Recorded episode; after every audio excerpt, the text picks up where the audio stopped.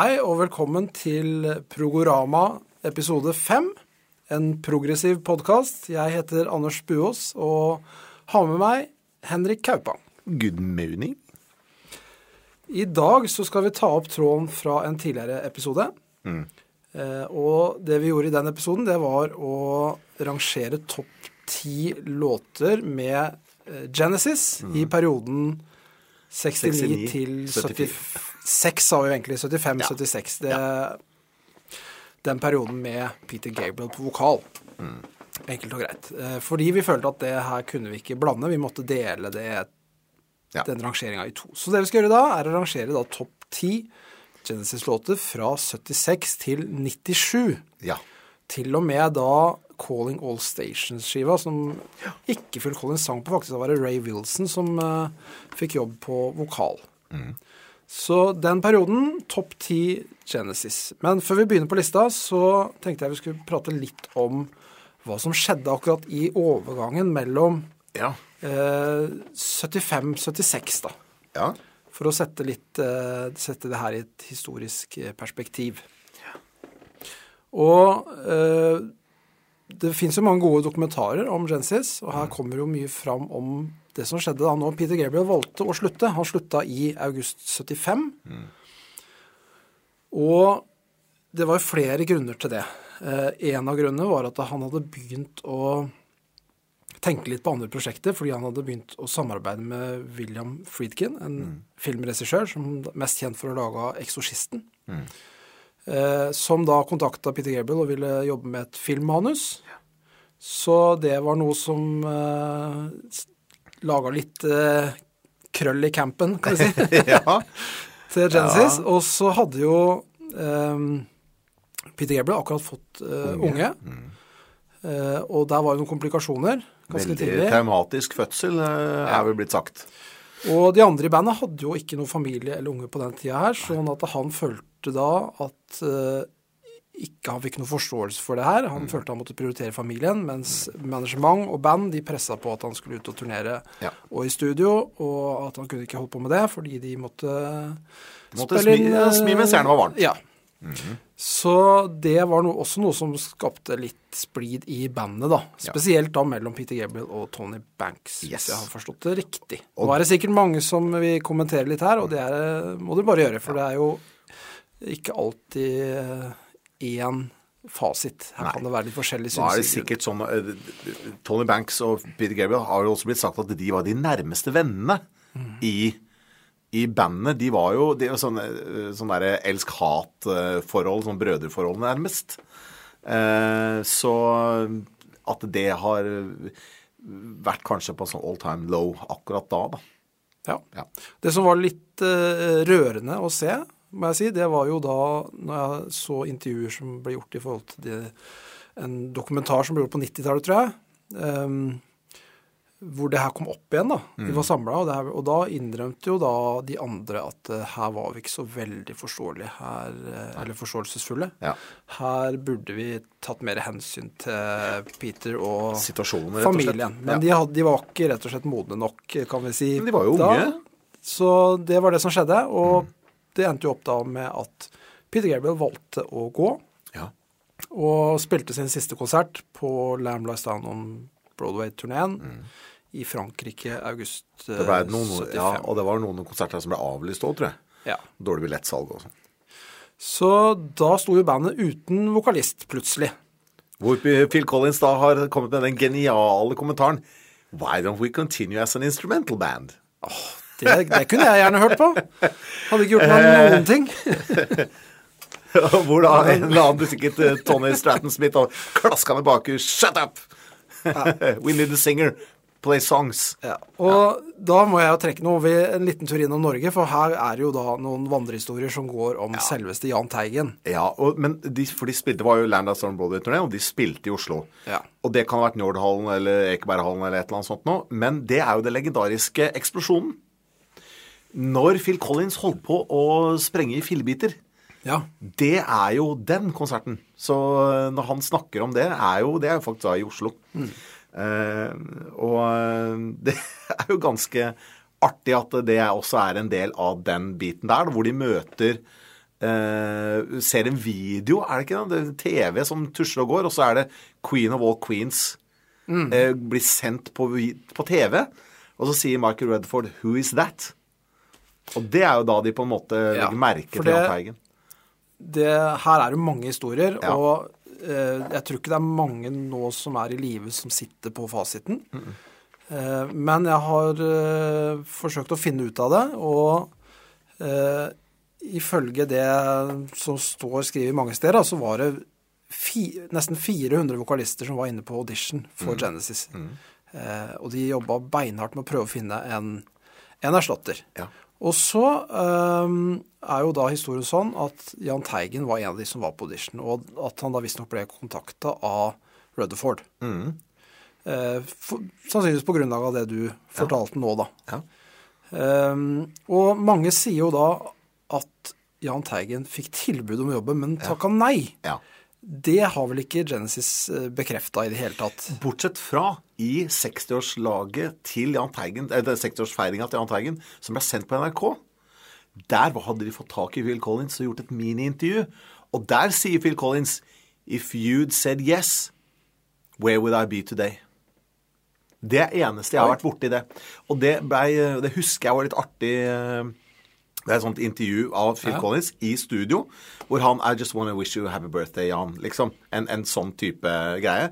Og så gjør han litt sånn humoristisk ut av altså, If you said yes, where would I be today? I have you to thank for my lovely career, eller et eller annet sånt noe. Så det er, eh, det- det er Den situasjonen der, det at det skjedde, er grunnen til at jeg på en måte har alltid hevda at eh, han fikk tilbudet.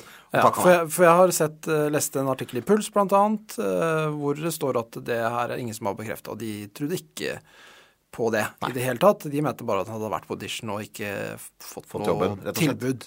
Ja. Eh, og det her blir jo litt sånn samme diskusjon som når en, eh, en slutter i et band, fikk en sparken eller valgte å slutte. Det er jo alltid de to historiene du får høre. Ja. Så hvis noen sitter på den ultimate fasiten på om Jahn Teigen var, fikk tilbud om å synge i Genesis, så vil vi gjerne høre om det. For det kan godt hende at Phil Collins sa det eh, fordi at det er en kul ting å si i et eh, direktesendt TV-bursdagsselskap. Ja da. Ikke sant? Så hvis det er noen som har peil på det og var flue på veggen og bærte 412-kabinettet inn eh, til Steve Hackett den dagen, så eh, ja, si ifra. Ja. Men til syvende og sist, da, etter mange hundre auditions, så begynte de å, å gjøre opptak på den skiva som kom til å bli Trick of the Tail. Og da var det Phil Collins som sang på demoene, og Ja. det ble vel såpass bra at de da Ja. endte opp med å bare Nei, vi bare kjører på og lar Phil synge. Mm. Selv de om han ikke hadde Han hadde ikke så veldig lyst. Nei, for de visste Tony Banks sier at de visste at han hadde en fin stemme til det rolige materialet. Men de visste ikke om han var egna til det eh, hardere og mer intense. Og, og så, for han har jo allerede Han sang jo en låt på 'Selling England by the Pound', og han synger en låt på 'Nursery Crime'. Eh, og, man vet jo at han De visste jo at han hadde en fin stemme, men eh, can he pull it off, liksom? Den store pakka å være the lead singer of this massive band, liksom. Jo da, så skal du Én ting er om du klarer å synge det, en annen ting er om du klarer å stå og fronte bandet. En ja. ting er å sitte bak trommene, men å Ja. stå og på en måte skal ha med deg Ja. publikum og skal Ja. eh, prate til publikum og, og være den som leder hele bandet. Det er noe annet. Og i tillegg så skal du da fylle skoa til Peter Gabriel med alle de kostymene og alt Ja. det Ja. eh, fantastiske han Ja. eh, holdt på med i alle de åra. Ehm, så jeg skjønner at han var litt sånn eh, tvilende sjøl til det, men eh, historien har jo vist at det var vellykka. Og de prøvde jo også en ting som de vurderte, var jo at eh, Phil skulle synge på plata. Og skulle, skulle, fordi at det kjøpte dem litt bedre tid til å finne en vokalist som kunne gjøre det live. Og at han skulle fortsette å spille trommer. For han bare er eh, forståelig nok veldig eh, opptatt av å beholde rollen sin som trommeslager. Det kjenner jeg meg litt igjen i også, at det er vanskelig å gi slipp på den rollen. Eh, og allikevel, da, så ender de opp med da bare Nei, vet du hva. De, han ramla borti Bill Bruford på et eller annet punkt inni her, og så løste det seg på den andre måten. Hvor kan ikke bare jeg spille trommer, og så kan du synge? Og Mark Redford har jo sagt at eh, han hadde jukselapp for å huske hva han skulle si eh, på den første konserten. Og eh, eh, da han på en måte innså at det kom til å gå bra, det var da han så at eh, Phil ikke skalv på hånda mellom låt nummer eh, to og tre. For da bare Nei, da hadde jeg litt av en skalv først. Og så da et, neste introduksjon så skalv han ikke, og da visste han ok, det her kommer til å gå bra. Ja. Det er jo litt morsomt, da, for eh, de fleste kjenner jo Phil Collins veldig godt. Ja. Og har sett den hundrevis av ganger på, på videoer og på konserter og konsertopptak og sånt nå. Og jeg, jeg tenker jo ikke på Phil Collins som en person som er nervøs og usikker. Han er jo en klovn og, og gladgutt og en som alltid eh, er med og ikke er redd, liksom. Ja. Så det Men han er jo menneske, han òg. Absolutt. Så at han skalp på handa, det er godt å høre. Ja, eh, men eh, han var nok også han, Jeg mener jeg har sett et intervju en gang hvor han sa at eh, på et eller annet punkt så hadde jeg allerede vunnet. Fordi at eh, jeg kom fra inni bandet, og da var det lettere for publikum å ak akseptere meg som den nye vokalisten. Ja, er Eh, og, og at han, at han eh, de, de ville, Fansen ville at det skulle fungere. De, han var jo en av dem allerede. Han var ikke et nytt ansikt. Den nye i, i, sånn sett i livesammenheng var Bill Bruford som satt bak. Men eh, bra, da har vi satt litt sånn eh, bakgrunn for eh, skiftet, kan vi si, fra Ja. Peter Gabriel til Phil Collins. Phil Collins. Ja. Eh, og så skal vi da ta for oss topp ti eh, låter fra den perioden her. Ja. Og som vanlig, du begynner. Jeg begynner. Du er gjest. Og min nummer ti er en skikkelig stadionlåt. Den funker ikke uten stadion. Det er Wembley, liksom. Og det er 'Throwing It All Away' fra Invisible Touch. Oi. Og jeg det er sikkert noen som ville sagt at det er en guilty pleasure, men jeg opererer ikke med det begrepet. fordi at hvis jeg liker noe, så liker jeg det. Den låta her har fulgt meg siden plata var ny. Ikke sant? Jeg var fire år da Invisible Touch kom, eh, så det var jo platemutteren spilte, liksom. Eh, men Throwing It All Away, den har alltid bare likt sinnssykt godt. Det er ikke en vanskelig låt, og det er ikke noe, det er ikke noe hokus pokus med den. Det er en streit, søt liten poplåt, men jeg elsker det riffet. Det er så utrolig funky perkussivt. Ja. Og så er det en perfekt stadionlåt. Så liveversjonen kanskje foran eh, studioversjonen, da. Men Throwing It All Away, min nummer ti. Ja, den uh, overraska meg litt. Jeg, Ja. Siden vi er uh, veldig på proggen, Ja. så jo, hadde jeg ikke sett for meg at det skulle bli så mange av de her, eh, den type låter her. Men Nei. vi får nå se. Det Ja. blir spennende. Jeg har også en, uh, en låt fra samme skiva på nummer ti. Og det er også, jeg, var det jeg trodde du skulle si når du sa Mm. Det var sånn stadionlåt, for det her her er, snakker vi Wembley-stemning med en gang Ja. når du ser den uh, Invisible Touch fra Wembley. Ja. Ja, ja, ja, Når den låta her, halvveis ut i den låta her sånn, når, når rytmene begynner å komme, Ja. da snakker vi domino. Selvfølgelig. Jeg er ikke overraska. Eh, helt fantastisk låt, og når den begynner å ta av sånn, på Wembley der, det er fantastisk. Eh, og det er jo prog... eh, hva skal jeg si? Nei, Det er prog, eh, eh, prog-alibiet. Alibiet. Ja, Prog-alibiet på Invisible Touch. Ja, det er det. Som gjør at eh, de fortsatt k- kan kalle seg et uh, proband. Ja, de holdt jo på Ja, for de holdt jo på fansen med låter som uh, Domino. Ja. Og kanskje da også av at du hadde litt av den mørke Tonight Tonight. Det er litt sånn Ikke sant? Så ja. Uh, kjøper den. Mm. Helt med på. Også en fantastisk låt. Ja. Fungerer veldig bra live. Er vi på låt nummer ni, da? ja. Der har jeg åpningssporet på Wind and Weathering. Ja. Og det er 11th Earl of Mar. Og der er, i likhet med flere av låtene på lista mi, så er teksten stjernen av showet. Jeg elsker den teksten og den historien. Veldig, veldig bra. Og så er det noe med stemninga i låta som er sånn utrolig høststemning. Næ, næ, næ den, den, Du får ikke noe mindre stemning av coveret. Eh, Nei. Og, altså, altså, og coveret altså, Det er perfekt kombinasjon. Det coveret og den åpningslåta. Ja. Og eh, er bra tempo, variert låt og Nei, Hvem, hvem har skrevet teksten? Det vet jeg ikke. det er Phil Collins, tenker jeg. Det er sånn typisk Phil Collins eh, fra den perioden her. Bra valg. Den er kul. Jeg, jeg har ikke den hos meg i det hele Nei. tatt. Min eh, nummer ni, da er vi i eh, 1997. Og tittellåta fra 'Calling All Stations'. Mm. Eh, Jeg følte at jeg måtte ha med en låt fra den skiva, og den låta er jeg veldig, veldig glad i. Det er jo Så mm, den er der, og jeg syns jo eh, det er en veldig undervurdert skive. helt enig med deg. Som blir glemt bort eh, altfor ofte, fordi det er liksom Gabriel og Collins, og så er det nesten ingen som har fått med seg at de hadde med seg en eh, sinnssykt bra vokalist på én plate helt på tampen der. Utrolig kul skive. Jeg så det jo på den turneen. De spilte jo den låta der. Det var Mm. dødsfett. Så Calling All Stations. Oi, oi, oi. Ja, den syns jeg Det er bra. Det er bra. Eh, nå skal vi til eh, 1,90. We Can't Dance. Siste låta. Fading Lights. Oi. Der er det flere grunner til at den er på min liste. Jeg elsker den trommemaskinlyden. Bom, bom, bom. Psh, shigga, bom, bom, bom. Jeg er utrolig stemningsfullt som bare juling. Eh, og eh, den også er litt sånn prog-alibi på den skiva. Den har den derre grandiose, den drama Det typiske Genesis-dramaet er veldig til stede i Fading Lights. I tillegg så er det én ting som jeg syns er veldig stilig med den låta. Og da de gjorde den på den turneen, så var det bare de tre.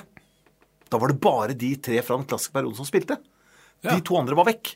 Altså Chester og Daryl de, de, de er ikke med på den. Hvis du ser den liveversjoner av Fading Lights, så er det, starter med trommemaskin og keys og, og basspedaler, og så synger Phil. Og så når det kommer til relativt rocka eh, hoveddelen av låta, så sitter Phil og spiller trommer, og det er jo bare en fest for trommiser. Eh, å høre på. Det er, det er Stortå har lyst til å eksplodere, liksom. Så eh, den elsker jeg. Har alltid gjort. Og kommer jeg antakeligvis alltid til å gjøre også. Fading Lights. Ja, bra. Min åttendeplass, Abacab. Oi! Låta Abacab. Ja, den er kul! Den, eh, og det er en låt som har vokst meg de siste åra. Den, den skiva og den låta hadde jeg ikke noe forhold til veldig, veldig lenge. Men nå er jeg superglad i den låta. Den er en snodig liten perle, Ja. vil jeg si. Um, vet du hvorfor den har det navnet? ja. Og jeg så en Ja. bok om det her om dagen, faktisk, når jeg forberedte meg til det her. Både- skiva og låta? Ja, og det er jo fordi at det er eh, A, B, uh, A Altså det er vers, refreng, vers, refreng, bridge, vers, refreng. Ja. det er Så det er del, delene i låta. Ja. A-del, B-del, A-del, Ja. C-del, A-del og B-del. Også kombinert med coveret, da, er at de ville at det ikke skulle ha Det skulle være non-figurativt. Eh, De, de skulle bare Ja, det tror Tony Banks forklarte meg at de skulle rydde alle møblene ut av huset, eller noe sånt noe. det er den plata. Ja, det er en snodig plate, men akkurat den låta syns jeg er eh, kjempekul. Også veldig kul i den live-innpakninga fra Invisible Touch-turneen. Ja. Og så er den eh, Den er ganske annerledes. Det er en sånn låt som skiller seg litt ut. Når det gjelder den Genesis-perioden vi prater om nå, så er det jo enten kan du si, litt eh, ordentlig av ting, eller så er det veldig hits. Ja. Mens den her føler jeg litt sånn i, imellom. Det treffer litt begge steder. Er En lang låt, masse partier sånn, men så er det kjempefengende Ja, absolutt. Ja, så den, eh, det er en god låt. Og litt eh, eh, tydelig vrenggitar. Ja, kanskje, så, kanskje derfor liker den. Det, det kan nok være en sånn ting Det har i hvert fall stikket ut for meg alltid. At det er sånn Jo da, men det er det mye av på de andre òg, men da ligger det veldig langt bak i Ja, miksen. ja, og det det- er de veldig det- flinke til. De har mye vrenggitar her, men det ligger det, du, du tenker mer på noen sånn synter som bare ligger Ja, det i- er, det som er bare tepper. deler av låtene, Ja. liksom. Ja, men akkurat der er det sånn Der er det ordentlig riff, ja. ja. ja. Bra, din tur. Syv. Nummer syv, eh, og dette her er en eh, låt som eh, eh, Jeg liker både liven eh, fra Seconds Out, men studioversjonen er hakk i råret. Eh, og det er Squonk. Deilig historie om et slags fantasidyr som du ikke klarer å fange, og når du fanger det, så oppløses det til tårer, og det er utrolig herlig. Men eh, jeg vet eh, Phil Collins eh, snakker om at der har han på seg eh, John Bonham-hatten. Og det er litt sånn streitere Det er litt sånn streitere-aktig. Og det er jo også noe av det som kanskje skiller akkurat den perioden her fra det som var før. Er at melodiene melodien og riffa blir litt enklere. Ikke veldig enda. Det blir litt enklere. Og litt mer direkte. Eh, men eh, masse temaer, selvsagt, eh, gjennom hele. Men eh, ja, det er skonk. Ja. Tøff, eh, deilig låt. Helt enig. Kjempebra låt. Jeg syns eh, kanskje det kuleste med låta er riffet og gruvet. Jeg Ja. syns ikke at eh, melodien her er så sterk. Nei? Ikke så sterk at den kom inn på min liste, da. Nei. Men jeg liker låta godt på grunn av, ja. og, Gruvin, da. Teksten er ikke tolka så dypt, må jeg være ærlig på. Nei, men det er noe Men, eh, A jeg- little dead in the middle. Ja, ikke sant? Jo, men uh, kjempelåt. Og spesielt åpninga når den kommer, så bare Ja. Yes, det er den, liksom. Du hører med en gang. Absolutt. Litt sånn Kashmir uh, Yes! Ja, ja, ja. Sant det. ja. Eh, min nummer sju, Ripples. Åh, For en låt.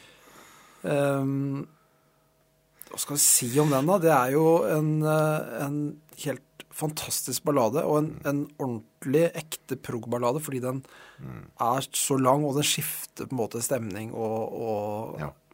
er en litt lengre reise, kan vi si, enn en vanlig popballade. Og så er jo, hvis du prøver å, å lære deg en låt her her er det mye rare akkorder. Her, det her er ikke noen fireakkords eh, popballade, altså.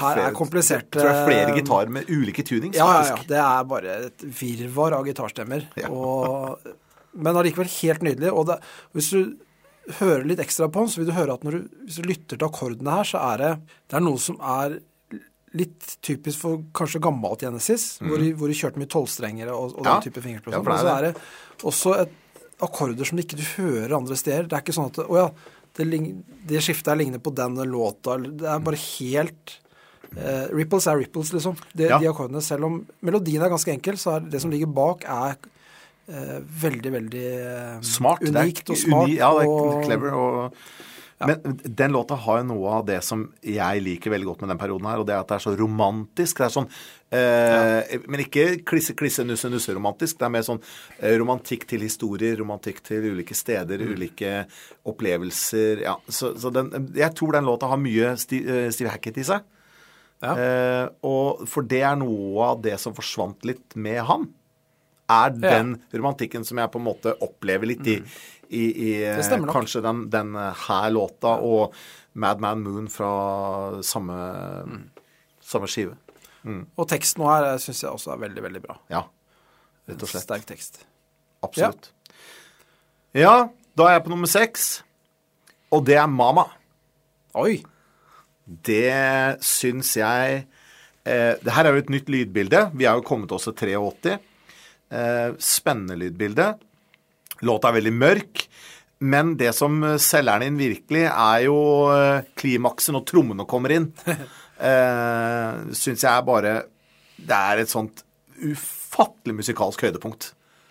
Ja, det er jo litt signaturen til Collins òg, Ja. etter han gjorde In the Air Tonight. Ja. Så det er jo liksom, De kjører det trikset. Det funka så bra at det kjører vi en gang til. Men så gjør, funker det like bra en gang Ja. til. Og, og du kan ikke kalle det rip-off når det er samme fyren heller. Så det blir Nei, og liksom- er jo helt annerledes. Det er bare at det, Ja, ja, jo, men, det- altså det, men det med å starte med trommemaskin Ja. og så livetrommer, det er Ja. på en måte, det er Phil Collins Uh, Ja.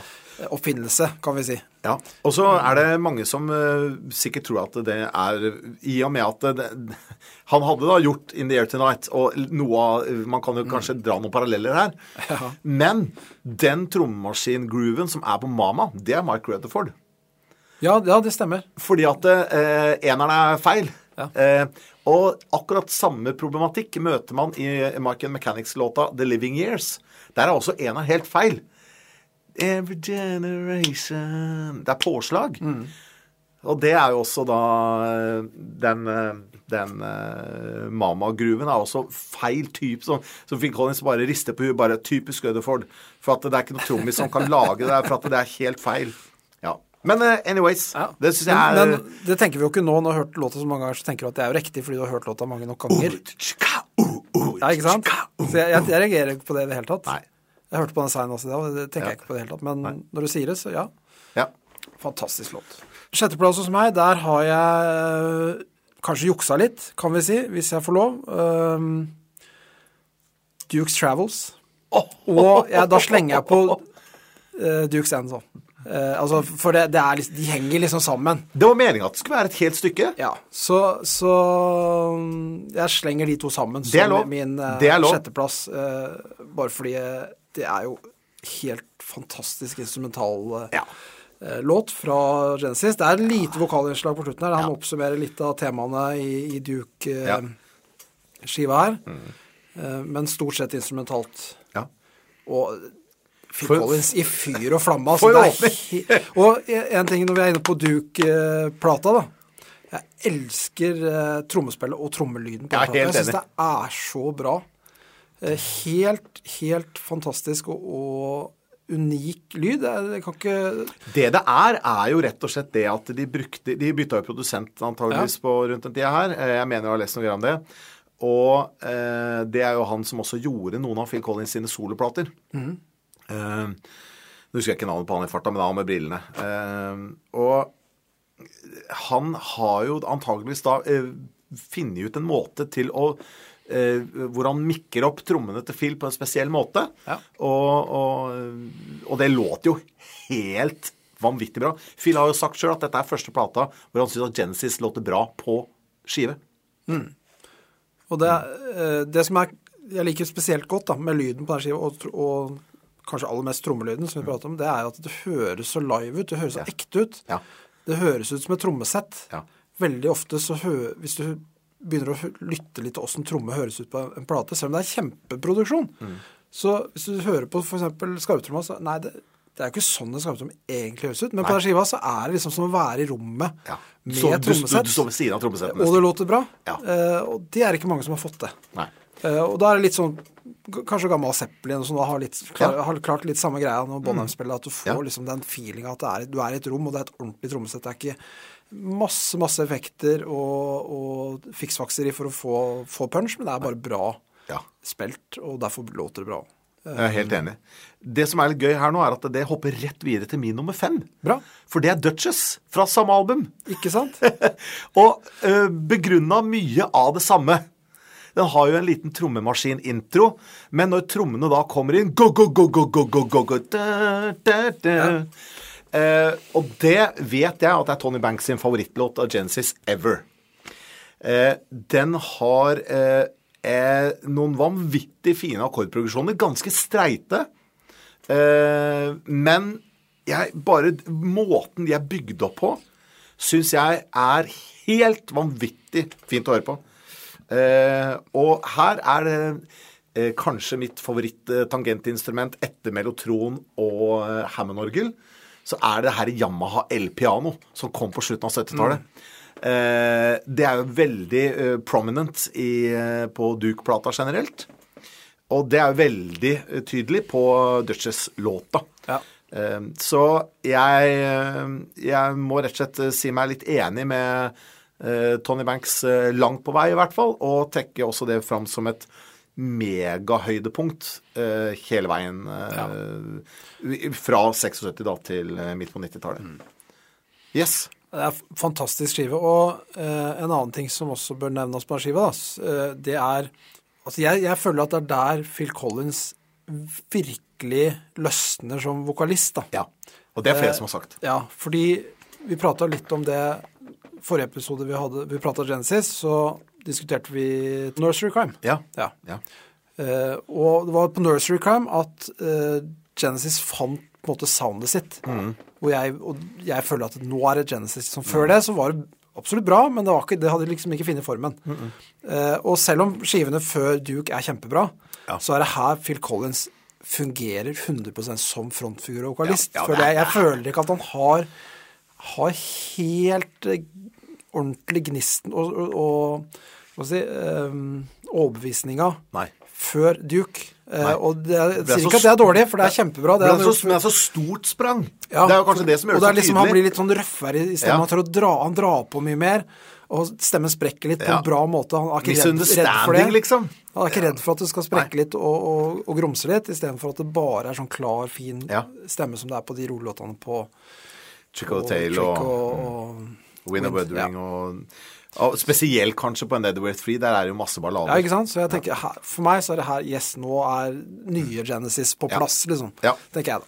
Det, ja, litt, eh, litt kanskje Uh, ikke tilfeldig at da skriver vi 1980, og ikke Da er vi ferdig med 70-tallet. Ja.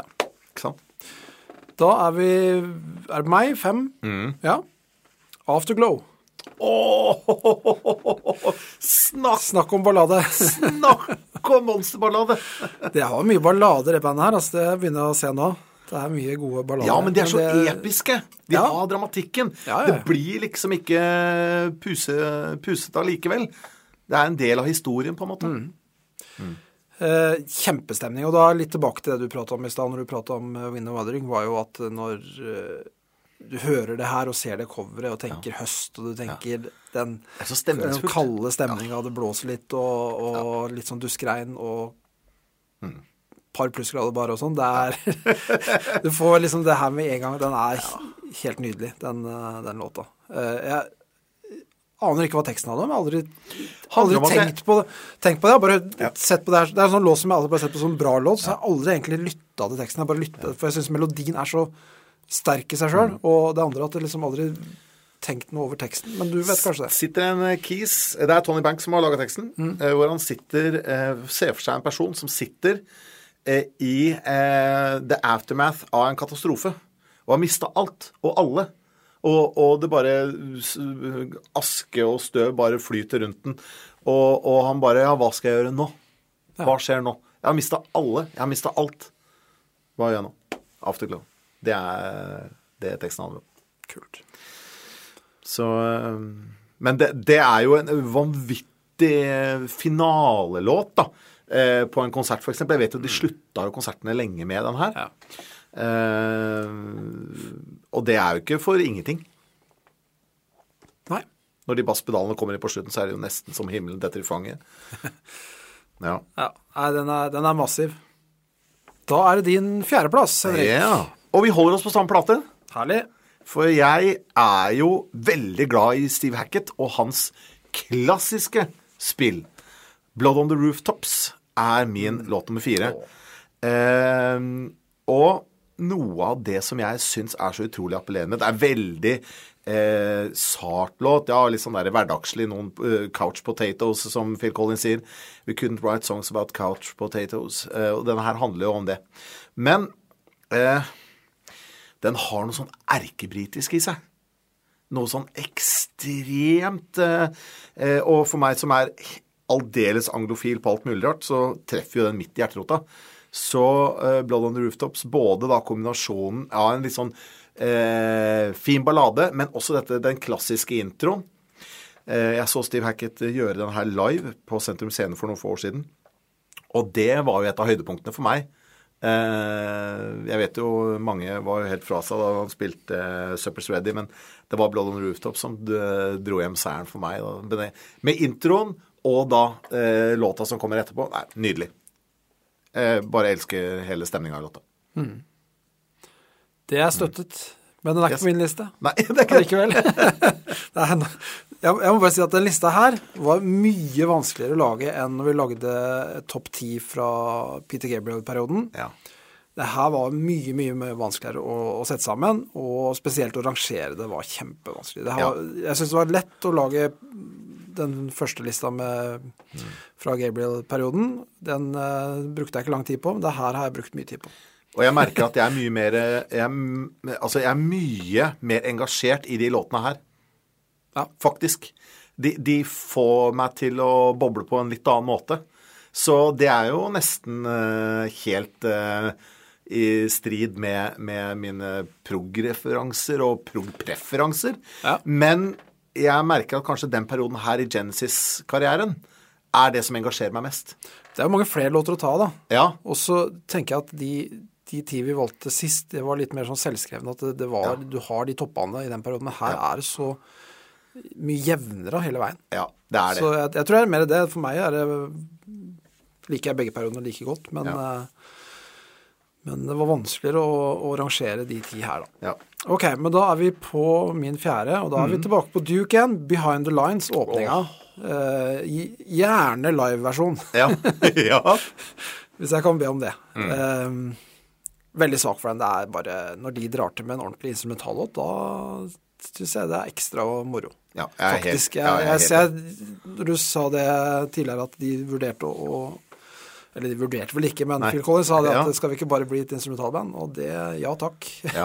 tenker Ja, men jeg, når jeg hører en låt her, så sier jeg bare ja takk. Jeg vil gjerne ha alle de skivene med instru- instrumentalmusikk. Ja. ja da, men vet du hva, jeg er ikke uenig i det. Det er en fantastisk uh, låt. Ja.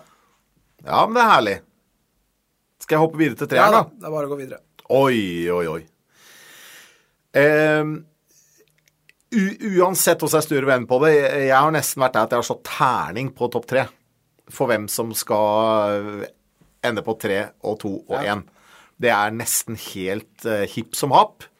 Det er noen få ting som har vippa pinnen. Uh, og, men eh, låt nummer tre er Min tredjeplass er altså da 'Dance on a Volcano'. Ja. Eh, og Tour the Force eh, av alt jeg elsker med melotroner og orgel og trommespill og skeive taktarter og fet tekst og fet synging og eh, creepy akkorder og stemning og dramatikk. Og den, den har alt jeg elsker med Genesis. Enkelt og greit. Oppsummert. Eh, åpningssporet på min favorittskive med Genesis. Eh, den er Den er alt jeg liker med dem. Ja. Det som er veldig kult med den skiva, uh, 'Trick of the Tail', det er at uh, når jeg hører den, så hører jeg nesten Gabriel synge. Det, Ja. da har Låtskrivinga der, altså låtmaterialet på den skiva, er så nært det de gjorde før. Ja, det er det. Eh, og så kom skiva etter, og da skifta de. Da er det litt annerledes, ja. Men på den skiva her så er det liksom Det kunne like så godt vært eh, Gabriel som sang det. Og det hører jeg innimellom, så hører jeg nesten i huet mitt. Ja. Eh, og også til dels da fordi du er vant til å høre Phil Collins synge, Ja. synge de tinga her. Og de er ganske like i stemmen til tider også. Ja. Men, men materialet er, hadde passa liksom rett inn Hadde med, med Gabriel. ja, hadde ikke vært noe problem for Peter Gabriel å synge 'Robbery, Assault and Battery'. Nei, nei, nei, liksom. det er det har vært veldig samme type, type skive. Jeg har faktisk ikke finner plass til den på lista mi. Det er Nei. en låt som helt sikkert burde vært der.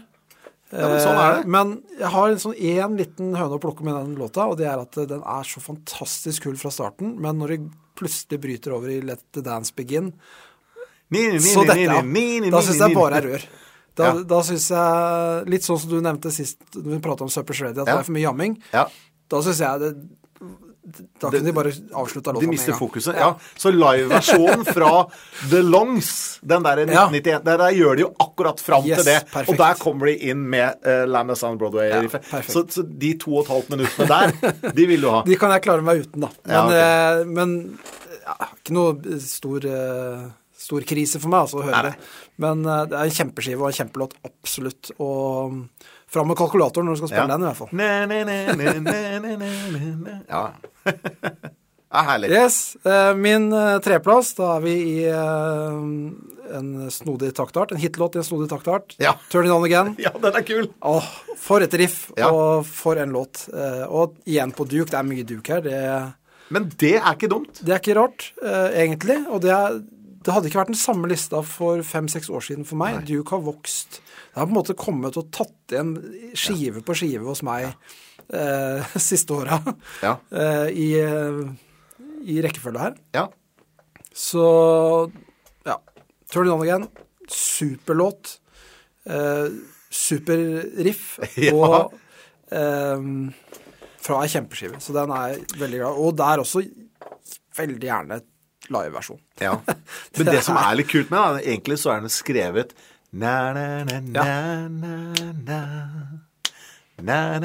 ikke sant? I det tempoet der. Og eh, eh, Det er jo Rutherford-låt, ikke sant? Ja. Så er Phil Nei, faen, vi spiller den fortere! Na, na, na, spill den heavy, liksom. Gir det opp. Og så sier de Ja, du er klar at den går i 13 eh, De sier 13,8, mm. men eh, hvis du gjør det vanlig eh,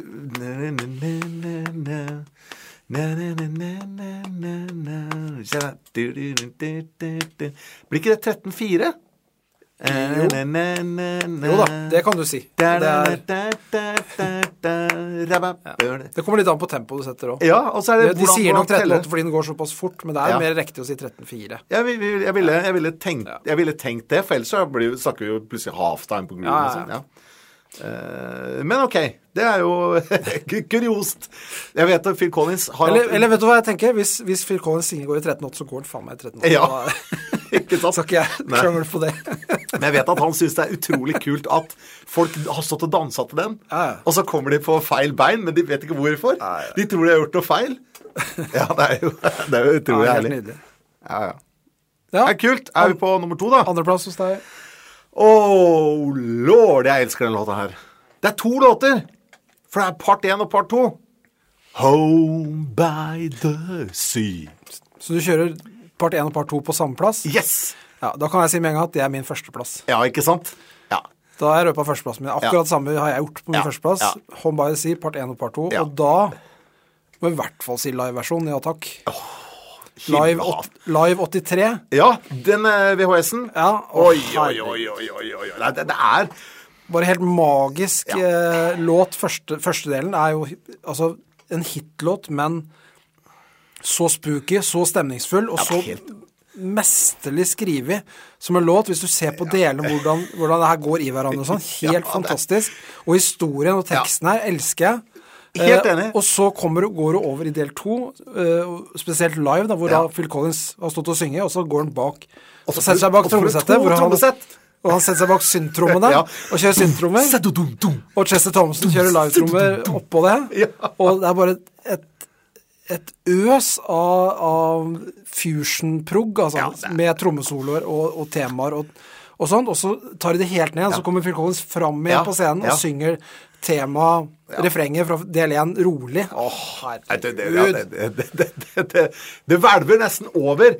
Eh, og jeg må jo si, da, både den liven som vi har snakka om, eh, den fra denne turneen, Genesis-turneen, 83, Mama-turneen, eh, hvor han synger veldig, veldig bra. Men han er like rå i studio, på studioversjonen. For at det, vokalmessig så er det nesten så jeg ikke kan tro hvor rå han er eh, på det her, altså. Det er nesten ikke ja, det er, ikke sant? Som vi pratet om i stad, det er noe helt annet her med Phil Collins enn Ja. det var på, på Trick og, og Wind og Then There Were Three. Ja. På Duke så Ja. skjedde noe, og her Ja. på den Genesis-skiva så er den helt på topp, for da er, har du den råskapen og galskapen før de går total hit eh, ja. MTV. MTV-greier, liksom. Ja. Så den skiva er, står sterkt hos meg, selv om jeg syns ikke alle låtene er like bra på den Nei. skiva, så er det et par på den som er bare Ja, det, Noe av det beste jeg har gjort, ikke Ja, det er helt vilt. Men, eh, Og min, min førsteplass, det sier Ja. jo ikke sant? Veldig bra. Men det er min, altså da min andreplass. For jeg har en annen førsteplass. Men da er jeg nysgjerrig på din andre. Da tar jeg min andreplass. Det er da Mama. Den har vi prata om allerede. Så Ja. på samme skiva. Mama har alltid vært en sånn gullåt for meg Ja. med Genesis. Eh, helt, helt genial. Um, Minimalistisk, men genial. ja, Det så må vi kunne den har vi jo egentlig sagt eh, det meste om. For min del, når du skulle lage en liste her, så er plass to til ti er litt sånn, kan forandre seg når som helst. Det er ikke noe slått terning på det. Ikke veldig sånn sterke meninger om det. Men plass én, Home by the Sea, Ja. og to, den var første jeg satte opp. Den soleklar enig. Ja. Jeg, også, jeg har nemlig én låt igjen. Ja. Og skal jeg gjette? Eh, Jeg- jeg du- klarer ikke. Nei, du må gjette litt utypisk her nå, altså. Men det, for å si det sånn, det var eh, en av liksom, hjertelåtene i settet på 91-turneen. Ordentlig tok en stor chunk ut av eh, settlista på 91-turneen. Det er en lang låt. Meget lang låt. Er det Domino? Nei. Ikke? Nei, da vet jeg ikke. Jeg har nemlig Der er det en låt med eh, Det er en av de tekstene som Phil Collins har sagt han er mest stolt av å lage. Og det er som jeg sa tidligere også, at flere av de låtene her er teksten som på en måte er litt eh, Vipper Vippepinnen, da. I, i favør eller disfavør. Og dette her er 'Driving the Last Spike'. Oi! Rett og slett. Hvor historien om disse unge Ja, ja, gutta ja. som bygger eh, alle jernbanene Jernbanen, ja. gjennom eh, i England. Og der også vokalprestasjonen til Phil, spesielt på studioversjonen, eh, er helt Det er nesten så jeg, Ørene detter antent altså, når jeg hører det, liksom. Eh, det er, har vært en litt sånn slow eh, grower for meg, fordi at eh, jeg har jo vært klar over plata. Jeg har alltid hatt eh, skiva siden på en måte jeg kjøpte opp katalogen. Eh, og jeg har sett eh, eh, den live-videoen fra We Can't Dance to flere ganger også. Så det har vært en låt jeg har vært klar over, men det liksom tok litt tid. Og så plutselig bare Å, fy faen. Ja, men du store, liksom. Det her, her er jo et, et ordentlig mesterverk. Og så etter det så har den bare vokst og vokst og vokst og vokst. og vokst. Så hvis jeg skulle plukka ut to eh, totale Genesis favorittlåter, så er det Firth of Fifth og den her. Ja. Så 'Driving the Last Spike' står liksom som en sånn der ordentlig monster i katalogen deres for meg. Eh, og eh, både spilling og eh, orkestrering, hvordan de har liksom ordna det med de her eh, arrangementene. der er enkle gitarrosenater og, og midtpartiet som bare går gjennom taket med Phil der, liksom. Nei, jeg elsker den. ja, den er kjempebra. Den hadde jeg helt, helt glemt. Men eh, den hadde ikke kommet inn på min liste. Nei, nei, nei. nei. Eh, Men det, det er en sånn låt som, eh, som sikkert vokser veldig over tid. Vokser vanvittig! Ja. vanvittig. har aldri vært med på en låt som har vokst vokst så mye Og noen ikke minst en veldig sterk eh, historie, som du sier, da, Ja. på teksten her. Nettopp. Som er verdt å, å sjekke ut. Mm. Veldig. Ja, og det, Og da for din del, da, hvis du tar dine førsteplasser, hvis jeg husker riktig nå, på, hvis du tar førsteplass på, på Gabriel-perioden Mm. og Collins-perioden, så er det jo da eh, First of Fifth Ja. og Driving the Last Spike. Mm. Hos meg så er det da Surplus Ready og Home by the Sea. ja. Herlig. Enkelt og greit. Det her er bare gull. Reint gull. Ja, ja, ja. Her var det ganske forskjellige lister, må jeg si. Veldig. Ja. Og, og, Det var mye likere sist. Da var Mye ganske sist. like liste, men uh, jeg kjøper alt du selger. Ja, det er bra. Ja, det er godt. Ok, det var det um, vi hadde i denne episoden. Vi, er, vi vil veldig gjerne høre deres topp ti-lister fra den perioden her med Genesis. Hvis Ja. noen gidder å skrive en, så legg det i kommentarfeltet. Og gjerne også hvis dere har forslag til andre progband som vi skal rangere topp ti-låter av. Ja. Så kom med innspill og forslag. Eh, takk for følget så langt i dag, og vi ses neste gang. Ciao bella.